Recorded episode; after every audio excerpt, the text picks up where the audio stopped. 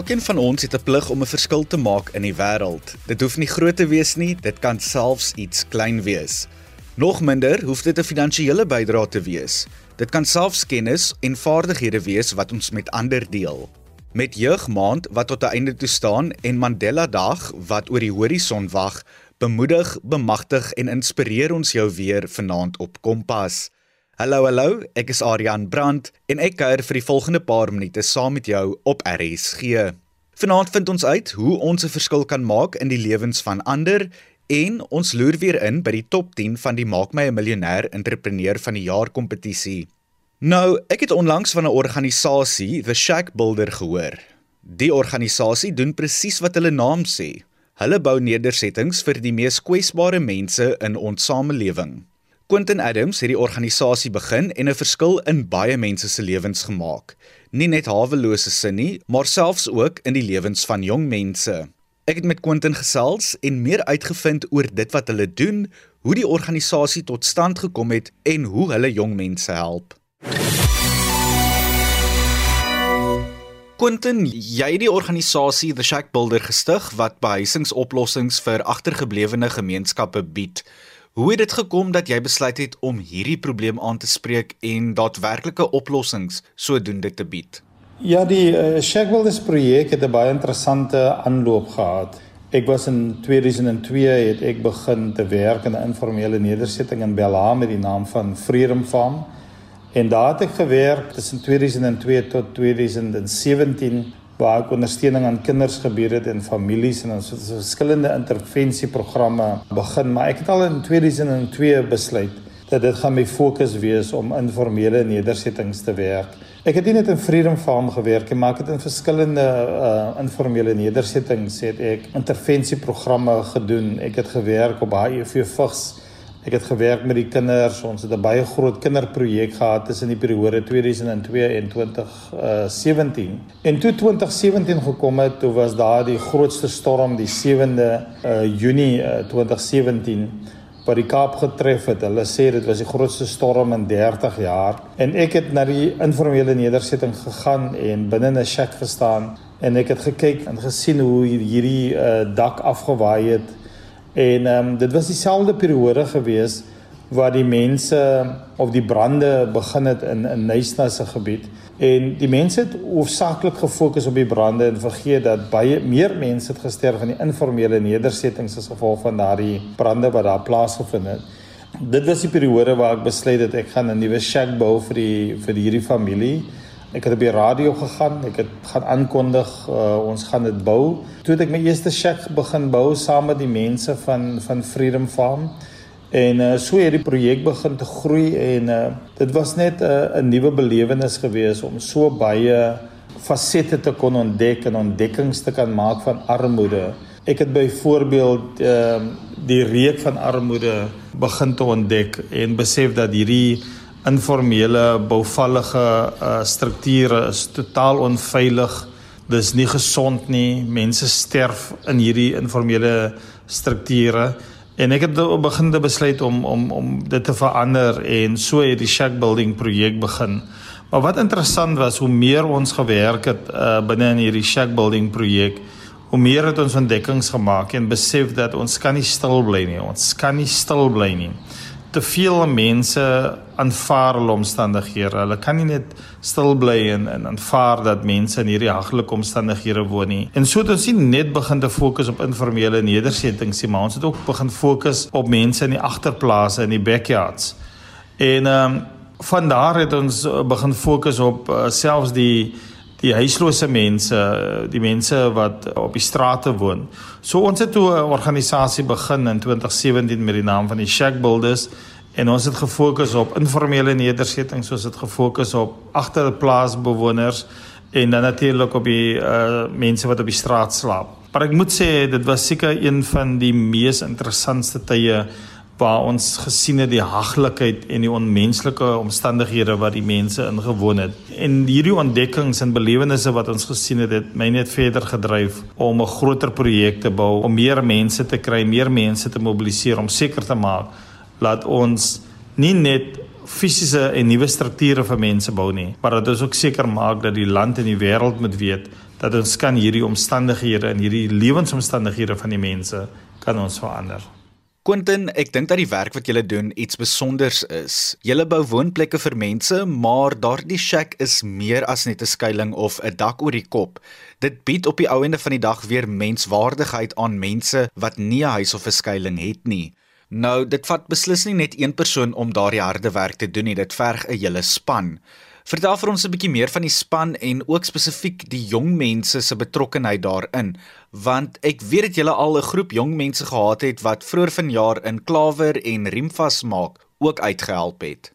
Ja, een van die interessante ontdekkings in hierdie projek is natuurlik dat ons 'n span mense het. Ons het nou 'n voltydse span van 6 mense of 7 mense en dis almal die jong mense wat op 'n stadium werkloos was. En ehm um, ek het hulle geïdentifiseer in die gemeenskappe en hulle was bereidwillig om deel te wees en natuurlik hulle was bereidwillig om opgelei te word as shack builders. Ek kan onthou dat hoe hulle deur die prosesse gegaan het en hoe ons hulle stap vir stap bandeer geneem het en hoe ons die struktuur begin te verander het. En en jy besef net elke keer dat daar is 'n toekoms vir jong mense wat werkloos is. Ho jong mense wat werkloos is in hierdie land hoef nie hopeloos en wanhoopig te wees nie.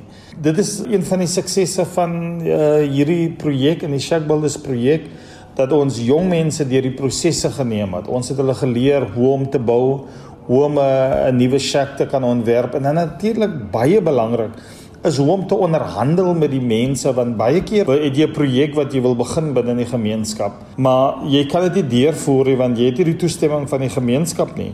En baie van ons werk het te doen met die erkenning en die werk van die mense binne in hierdie gemeenskap en daarom is ek baie opgewonde oor ons span. Ons het 'n fantastiese span. Ons het uh, twee dames en ons het uh, vyf jong manne wat almal nie geweet het hoe om te bou nie. En dit was as gevolg van hierdie gedurende indiensopleiding. Ons het een keer 'n week uh, kom ons bymekaar. Ons kritiseer ons se werk. Ons kritiseer wat het ons nie reg gedoen nie. Ons evalueer en ons ons bespreek wat moet ons verbeter. En ek is so opgewonde oor hierdie span jong mense want hulle is nie net gewone shackbouers nie. Hulle kan nou ander jong mense ook oplei.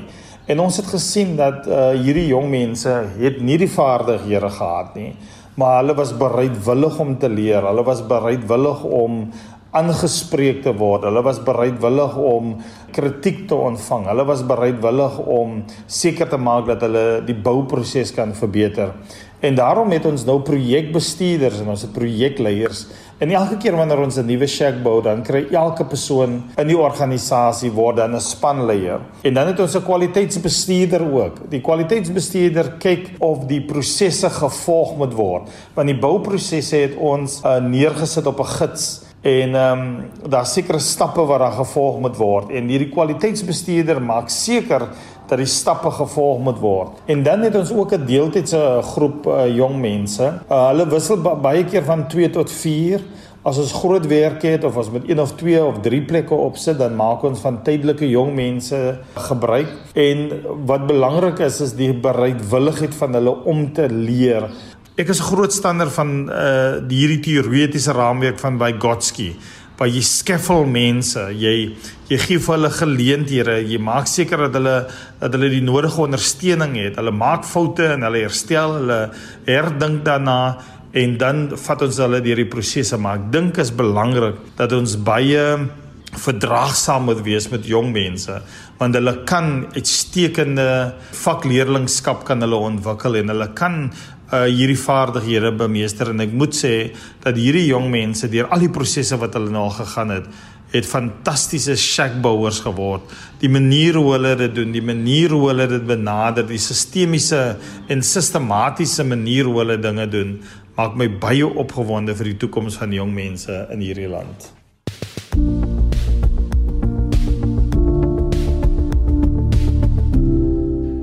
Dit is Quentin Adams, die stigter van die organisasie The Shack Builder wat 'n daadwerklike verskil in die lewens van baie Suid-Afrikaners maak.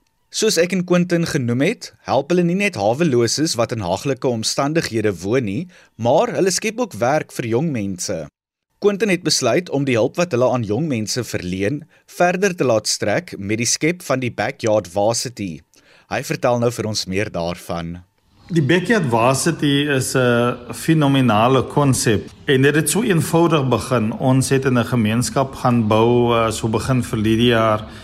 En ehm um, terwyl ons daar gaan bou het, het ons by Dit was daar so 'n klomp jong mense wat in die straat gesit het. Ek dink hulle was so tussen 8 en 10 jong mense gewees. En uh, ons het uh, 'n nuwe plek gebou vir iemand in 'n agterplaas of in 'n backyard en uh, ons het hulle gevra wil hulle nie help om die vuilis te verwyder nie want ons het die plek skoon gemaak en ons het 'n bakkie gehad. En ehm um, toe begin hulle vir ons net spontaan te help en uh, toe ons nou agterkom te vra vir hulle wil hulle nie help om hierdie shack te bou nie want hulle is werkloos. En so toe hulle nou begin bou het, het ons gesien dat hierdie manne kan nie bou nie. Hulle sukkel om te bou.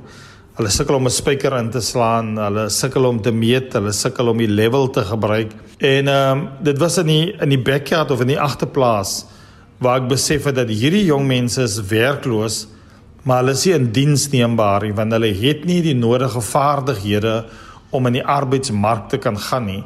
En terwyl ons daar besig was, uh, uh, bel 'n vriend van my, uh, Keith uh, Meyer van Lady Smith, en ek verduidelik vir hom uh, waarmee ek besig is en Keith Meyer sê toe so so jy julle is nou besig met die backyard varsity. En ek draai om na die manne toe en ek sê dit is die program nou. Uh dit is hoe die program se naam begin het. Ons het nie 'n strategiese sessie gehad en gesê ons gaan 'n backyard varsity begin nie. Dit was hierdie spontane proses van die ontdekkingsreis waarmee ons besig was. En uh, ons het daai jong manne toe begin oplei en begin wys hoe om te saag, hoe om 'n saag skerp te maak. Ons het 4 dae gevat om hierdie nuwe plek te bou binne in die backyard. En terwyl ons daai 3-4 dae besig was, het ek begin om notas te maak en hierdie projekte begin skryf en ons het 'n kurrikulum begin te volg en um, Ons het toe uh, 'n uh, maand daarna het ons toe uh, 12 mense, jong mense van die straat af gekry en ons het hulle deur 'n proses gevat. Nee, hulle was nie 12, hulle was 18 gewees.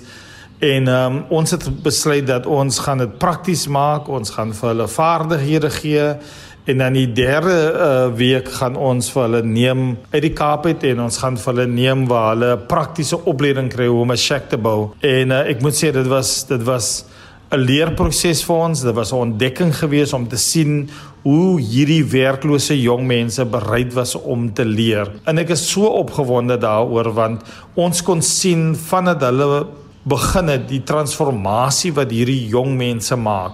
En daarom is ek heeltemal teen die idee dat mense dink dat jong mense wil nie opgelei word nie. Ons se jong mense wil opgelei word. Ons moet net vir hulle die voldoende kurrikulum gee. Ons moet vir hulle 'n kurrikulum gee wat toepaslik is vir hulle met waarmee hulle kan identifiseer. En baie van hierdie jong mense het vroeg die skool verlaat. So hulle het sekere leer uitdagings, hulle het sekere skolastiese uitdagings wat hulle het.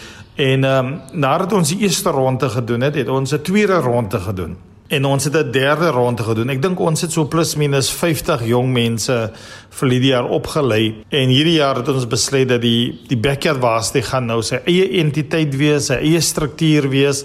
En ek is baie baie opgewonde want ek weet ons land sukkel met die hoogste werkloosheidssyfer en ek is so oortuig dat die backyard varsity in die formaat wat hy aangebied word, dit is prakties Dis praktiese vaardighede, dis blootstelling wat ons vir die mense gee.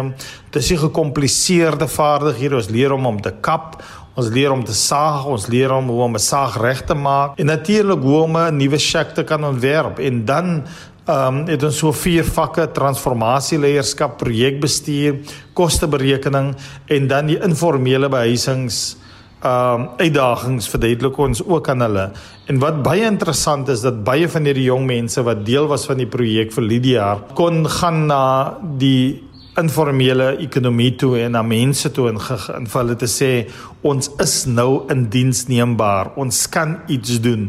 En in die tussentyd het ons omtrent seker so 12 versoeke gekry reg oor die land. Waar mense sê wil julle nie die backyard was die opleidingsprogram bring na ons dorpe toe nie. En dis deel van ons strategiese doelwitte dat ons nie dit net in die Kaap gaan vestig maar dat ons die backyard was die gaan vestig in verskillende dele van ons land. Dit is Quentin Adams, die stigter van die organisasie The Shack Builder, wat vertel het van The Backyard Varsity, 'n opleidingsprogram wat hulle geskep het vir jong mense. Ek dink dit is merkwaardige werk wat Quentin en sy span doen en ons gaan nou-nou weer van hom hoor, maar eers loer ons in by die top 10 van die Maak my 'n miljonair entrepreneur van die jaar kompetisie. Vanaand kuier Reinhard de Wet, 'n graad 11 leerder van die Help Mekaar College saam met ons, as ook Dylan Duffy, 'n graad 8 leerder van die Afrikaans Hoër Seunskool. Reinhard het sy onderneming, The Holy Baker, begin en Dylan het Firefly Solar Power gestig. Hulle vertel vir ons meer van dit wat hulle ondernemings doen en ons klets ook so 'n bietjie oor entrepreneurskap. Manne, vertel vir ons 'n bietjie meer van julleself en die besighede wat julle begin het. Dylan, jy het Firefly Solar Power en dan Reinhard, jy het natuurlik The Holy Baker begin. Wat spesifiek is dit wat julle ondernemings doen? So Aryan, uh, my naam is Dylan Duffy, ek is nou 13 jaar oud. Ons twee kinders in die huis, ek en my broer Armand Duffy en my gunsteling sport is fietsry en ek hou van ook van atletiek en my besigheid se naam is Firefly Solar Power. Dit is 'n klein solarstelsel met vier ligte, twee USB's en die stelsel is 100% groen. So dis waar ek my hoofidee gekry het van die besigheid. Um, ons het load shedding gehad en ek het gedink hoe kan ek nie iets ontwerp wat kan help met die load shedding nie. So ek is Reina de Wet, ek in Altmakar College. My besigheid is te Holy Baker. So basies wat dit is, dis 'n tuisnywerheid wat varsprodukte verkoop, soos beskuit, koekies en nog vele meer. So my ma help my natuurlik so 'n bietjie. Maar verder bak ek myself al die koekies en dan verkoop ek dit meestal alles vir die skool. Hoekom sou julle sê het julle besluit om 'n entrepreneur te word? Ons weet dit is 'n groot stap om te neem. Ehm um, so 'n paar dae terug het ons 'n kragonderbreking gehad, Adrian en het ons kersse aangesteek. Dit een van die kersse, ehm um, die vlam was bietjie groot het ek kom traag uh, probeer gaan uitblaas dit spat olie was in my gesig en dit was ek vir 'n jaar het ek gesigbrande gehad en dis hoekom ek my besigheid wou begin het om te help met dit. So dit was 'n lang proses. So waar gebeur dit is ek was einde graad 10. Ek het gedink my loopbaan was meganiese ingenieur en ek het bietjie gaan rondkyk en wat dit behels en toe voel ek maar hierdie is nie reg vir my nie. Ek wil nie regtig heeltyd voor 'n rekenaar sit en vir iemand werk nie. En ag dit was 'n lang proses. Ek het regtig gedink wat gaan ek doen? Want jy moet nou een van die tyd begin besluit of jy universiteit toe gaan was jy universiteit toe gaan so allerlei probleme. Aan die einde gesê November Desember se kant toe kom ek tot die gevolg maar ek wil regtig 'n verskil maak in mense se lewens. En as ek terugkyk wat wil ek oor 50 as my 50 is wat wil ek doen? En dis sê ek ek wil 'n verskil in mense se lewens gemaak so dis sê dat die eerste ding wat ek dit gaan doen is as ek my eie besigheid begin en ander mense se lewens verander. So dit sê ek in die beste manier om dit te doen so 'n entrepreneur te word. So dit ek hierdie jaar sommer begin om 'n entrepreneur te word en dit is so toevallig die dag voor ek my besigheid wil begin, toe kom Albert van Wyk by ons skool en sê as enige entrepreneurs is wat 'n besigheid het of 'n besigheid wil begin, kan hulle inskryf. En van toe af het ek net hard gewerk en myself gemotiveer om goed te doen en om met my beste te lewer en kyk of ek in die kompetisie kan inkom. En toe gaan dit nadat ek geweet ek gaan inkom en toe ja, toe kom ek in die top 10 en Reinhard, jy is in graad 11 by die Help Mekaar College en Dylan, jy is graad 8 by die Afrikaanse Hoër Seunskool. Hoe balanseer julle alles waarmee julle besig is, soos julle akademie, sport, besigheid en natuurlik ook kultuur en daai ander tipe dinge? So in my opinie kom skool altyd eerste en dis nou in die week fokus op my skool, my sport en my musiek as 'n vak. En dan op die naweek as ek nie sport het of ek leer nie, dan sal ek werk aan my besigheid. Ek moet ook altyd tyd maak vir my besigheid. So dit ek moet sê dit is een van die moeilikste goeders want ek is uh, regtig besig gedoen kwas rugby, daar kultuur um, ek doen klomp goed as jy nou gaan besigheid op hoog. So definitief beplanning. As jy nie beplan nie, gaan gaan alles ineenstort en gaan een probleem lei tot die volgende en dan gaan alles so domino effek hê. So jy moet definitief beplan. Dat beplanning is crucial. So ja. Nou, oor die laaste paar weke het ons gehoor van verskillende eienskappe en bestanddele wil ek amper sê wat van iemand 'n goeie en suksesvolle entrepreneur maak. Dinge soos byvoorbeeld hardwerkendheid, jy moet weet hoe om met mense te kan werk, al daardie dinge. Wat sou jy sê maak van iemand 'n goeie entrepreneur? Watter eienskap is dit? So Adrian, ek sou dink dis selfdissipline. Wat ek met dit bedoel is want as jy nie nou kan kies om op jou foon te wees oor 'n besigheid nie, dan kan jy nie jouself 'n entrepreneur noem nie, want jy moet kan weet wat jy moet doen, wanneer jy moet doen en hoe lank jy dit moet doen, Adrian. Ek dink daar's klomp faktore wat wat wat speel, maar ek dink een van die grootstes is, is definitief dissipline want almal in in die wêreld het goeie idees. Almal het fantastiese idees vir hulle ehm um, om 'n besigheid te begin en dink alles ongelooflik, maar om die dissipline te hê om dit uit te voer en om aan te hou is definitief een van die dinge. So met dissipline kom ek harde werk. So is reg as jy nie dissipline het nie dan dan gaan jy besigheid definitief mekaar sak. So ja. Dylan, ek glo jy het groot drome met Firefly Solar Power en Reinhard dieselfde met jou met Holy Baker. Wat is dit wat julle nog met die besighede wil bereik? Ja, Adrian, so ek is nou besig om twee nuwe produkte ontwerp. Ek, ek probeer nou goedkoper produkte ontwerp vir die laer inkomste groep en dan probeer ek ook my beste gehalte produk wat sê nou maar ook jou TV of selfs jou, jou laptop kan hardloop en ja, dit is my idee vir wat ek nog volgende jaar wil bereik. So die groot ding wat ek graag wil wil hê, ek wil klomp besighede wat selfde besigheid in Johannesburg en in Suid-Afrika oopmaak waar dit vars produkte beskikbaar kan wees vir al die mense reg oor die land, sodat hulle regte kwaliteit produkte kan koop. Presies, soos 'n fast food franchise maar net vir varsgebakte produkte. Manne ten slotte Hoekom sal julle ander jong mense aanmoedig om ook entrepreneurs te word en in julle voetspore te trap? So Arian, deesdae is dit maar moeilik vir jong mense om werk te kry en as jy nou 'n entrepreneur kan word, kan jy vir jouself werk skep en ook in die toekoms kan jy ook vir ander me jong mense werk verskaf.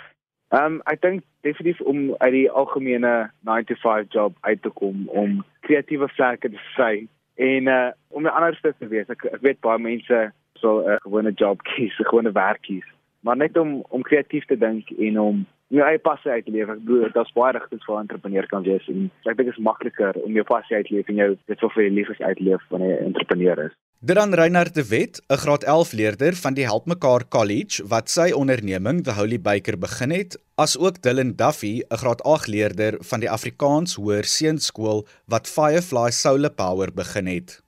Beide hierdie twee jong manne is deel van die top 10 van die Maak my 'n miljonair entrepreneur van die jaar kompetisie en nou nadat ons met die hele span gesels het, vertel Albert van Wyk, die stigter van die kompetisie, gou vinnig vir ons wat verder voorlê en wat die deelnemers volgende gaan doen voordat die wenner gekies word. Arian, so die volgende stap vir ons top 10 finaliste is om deur 'n klompie uitdagings te gaan wat opgestel word deur ons borgers. En die doel van hierdie uitdagings is om ons top 10 se entrepreneurs vernuf te toets en te kyk of hulle het wat dit vat om regtig die entrepreneur van die jaar te wees. En nadat hierdie top 10 nou deur al hierdie uitdagings gegaan het, gaan ons hulle toets op die verskillende entrepreneurvaardighede wat hulle moet hê om hierdie uitdagings suksesvol te kan voltooi. En ons gaan hulle so bepunt een na die ander en dan uit hierdie uitdagings wat ons gaan hê by al ons borgers, gaan ons dan die nommer 1 entrepreneur kies wat dan nou die prys wen vir entrepreneur van die jaar. Hierdie stel van uitdagings vind nou in die laaste week van die vakansie plaas en elkeen van ons borgers het vir hulle 'n uitdaging opgestel en dan kies ons dan nou die wenner, die entrepreneur van die jaar in Oktober uh by ons gala aand by die Atterbury Theater. So vir die luisteraars wat graag op hoogte wil bly met ons top 10 om te kyk wie die wenner gaan wees, hulle kan gerus net uitkyk vir die Maak my 'n miljonair entrepreneur van die jaar kompetisie.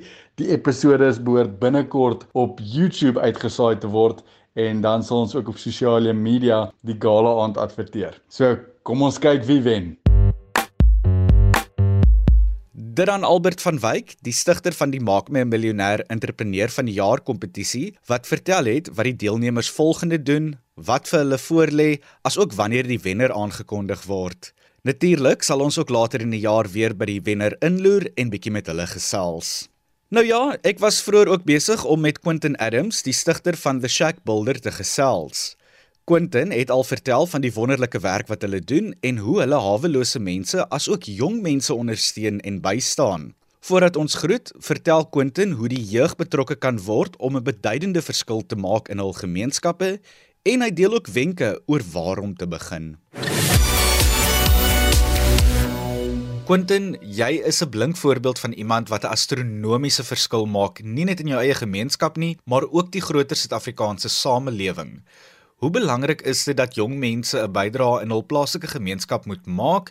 Ek weet dat mense soms dink dat dit nie 'n verskil maak om iets plaaslik te doen nie, maar tog het dit 'n impak. En soos hulle sê, elke druppel in die emmer help. Ja, ek is uh, totaal oortuig daarvan dat dat jong mense 'n verskil kan maak. En me, jong mense kan 'n verskil op plaaslike vlak maak. As ons net kyk na die sosiale uitdagings waarmee ons getrotseer word. Ons het nou in 2020 uh met die aanvang van COVID-19 het ons probleme gehad met met met voedseltekorte en hongersnood in ons gemeenskappe en baie mense het sopkombyse begin, maar baie mense het ook ander goed gedoen. Hulle sommige mense tuine begin. En as ons veral kyk na ons geografiese landskap van ons van ons samelewing, hoe ons uitdagings het binne in hierdie in hierdie land wil ek 'n beroep doen op op jong mense raak betrokke in jou plaaslike organisasie uh of in jou in jou plaaslike omgewing. Daar's drie goed wat ek vir jong mense sê. Identifiseer 'n probleem, ontwikkel 'n plan, mobiliseer mense um kry 'n komitee en dan baie belangrik as jy 'n nie NGO het nie, begin om 'n NGO te registreer en bemagtig jou met die nodige vaardighede om daai probleem aan te spreek. Uh ons moenie net wag vir mense van die buiteland nie. Ek is nie 'n groot voorstander. Ek glo dat ons hierdie kapasiteit, ons hierdie ingesteldheid, ons hierdie uh menslike hulpbronne binne in hierdie samelewing. En dan 'n belangrike uh, faset is Moenie groot begin nie, begin klein. Ons het begin om een shack te bou. En toe bou ons 'n tweede shack en toe bou ons 'n derde shack. Toe ons by die derde shack kom, toe is daar iemand wat vir ons nader en vir ons sê, uh, "Kan ek vir julle wys hoe om 'n ordentlike shack te bou?" En daarom sê ek vir die mense altyd en veral vir jong mense, kom uit die blokke uit. Moenie wag dat iets gebeur nie. Maak om dinge te laat gebeur. So ek wil vir jong mense sê, raak betrokke um bou jou CV, maak seker dat jy 'n diensopleiding het. Daar is leierskap uh, boeke beskikbaar wat jy kan begin om jouself te bemagtig en daar is natuurlik baie bronne op die internet. Maar as jong mense ook wil kontak maak en, en en wil uitreik en vra waar moet hulle begin? Hoe moet hulle begin? Dan is hulle vry om ons te kontak uh en ons besonderhede te kry om te sê identifiseer jou projek. Identifiseer ontwikkel 'n intervensieprogram mobiliseer mense. Maak seker dat jy bronne kan mobiliseer om jou om om jou projekte kan implementeer en as jy nie 'n organisasie het nie, begin 'n organisasie in reg geregistreerde organisasie. En ek is oortuig dat die toekoms van van Suid-Afrika en Afrika lê in die hande van van jong mense. Daar het 'n onlangse studie uitgekom wat sê dat in 2025 gaan die meeste jong mense op die kontinent van Afrika bly of woon. Wat vir my sê dat ons moet hierdie jong mense mobiliseer op 'n plaaslike vlak en sê julle kan julle dorpe, julle kan julle omstandighede, julle kan die lewens van ander jong mense kan julle verbeter, maar dit vereis 'n positiewe ingesteldheid en julle sal verbaas staan oor die mense wat na julle toe sal kom wanneer julle begin om op 'n plaaslike vlak te begin om te organiseer. Dran Quentin Adams, die stigter van die organisasie The Shack Builder. Ek weet nie van jou nie, maar my hart is beslis warm en ek is geïnspireer. Soos Quentin sê, jy hoef nie groot te begin nie. Inteendeel, begin klein. Hulle bou nie huise van baksteen en sement nie, maar wel shacks. En dit is genoeg om die menswaardigheid weer te herstel van die wat uit werklike haaglike omstandighede kom. Met Mandela Dag wat volgende maand voorlê, hoop ek werklik dat jy geïnspireer is om 'n verskil te maak in die lewe van jou medemens.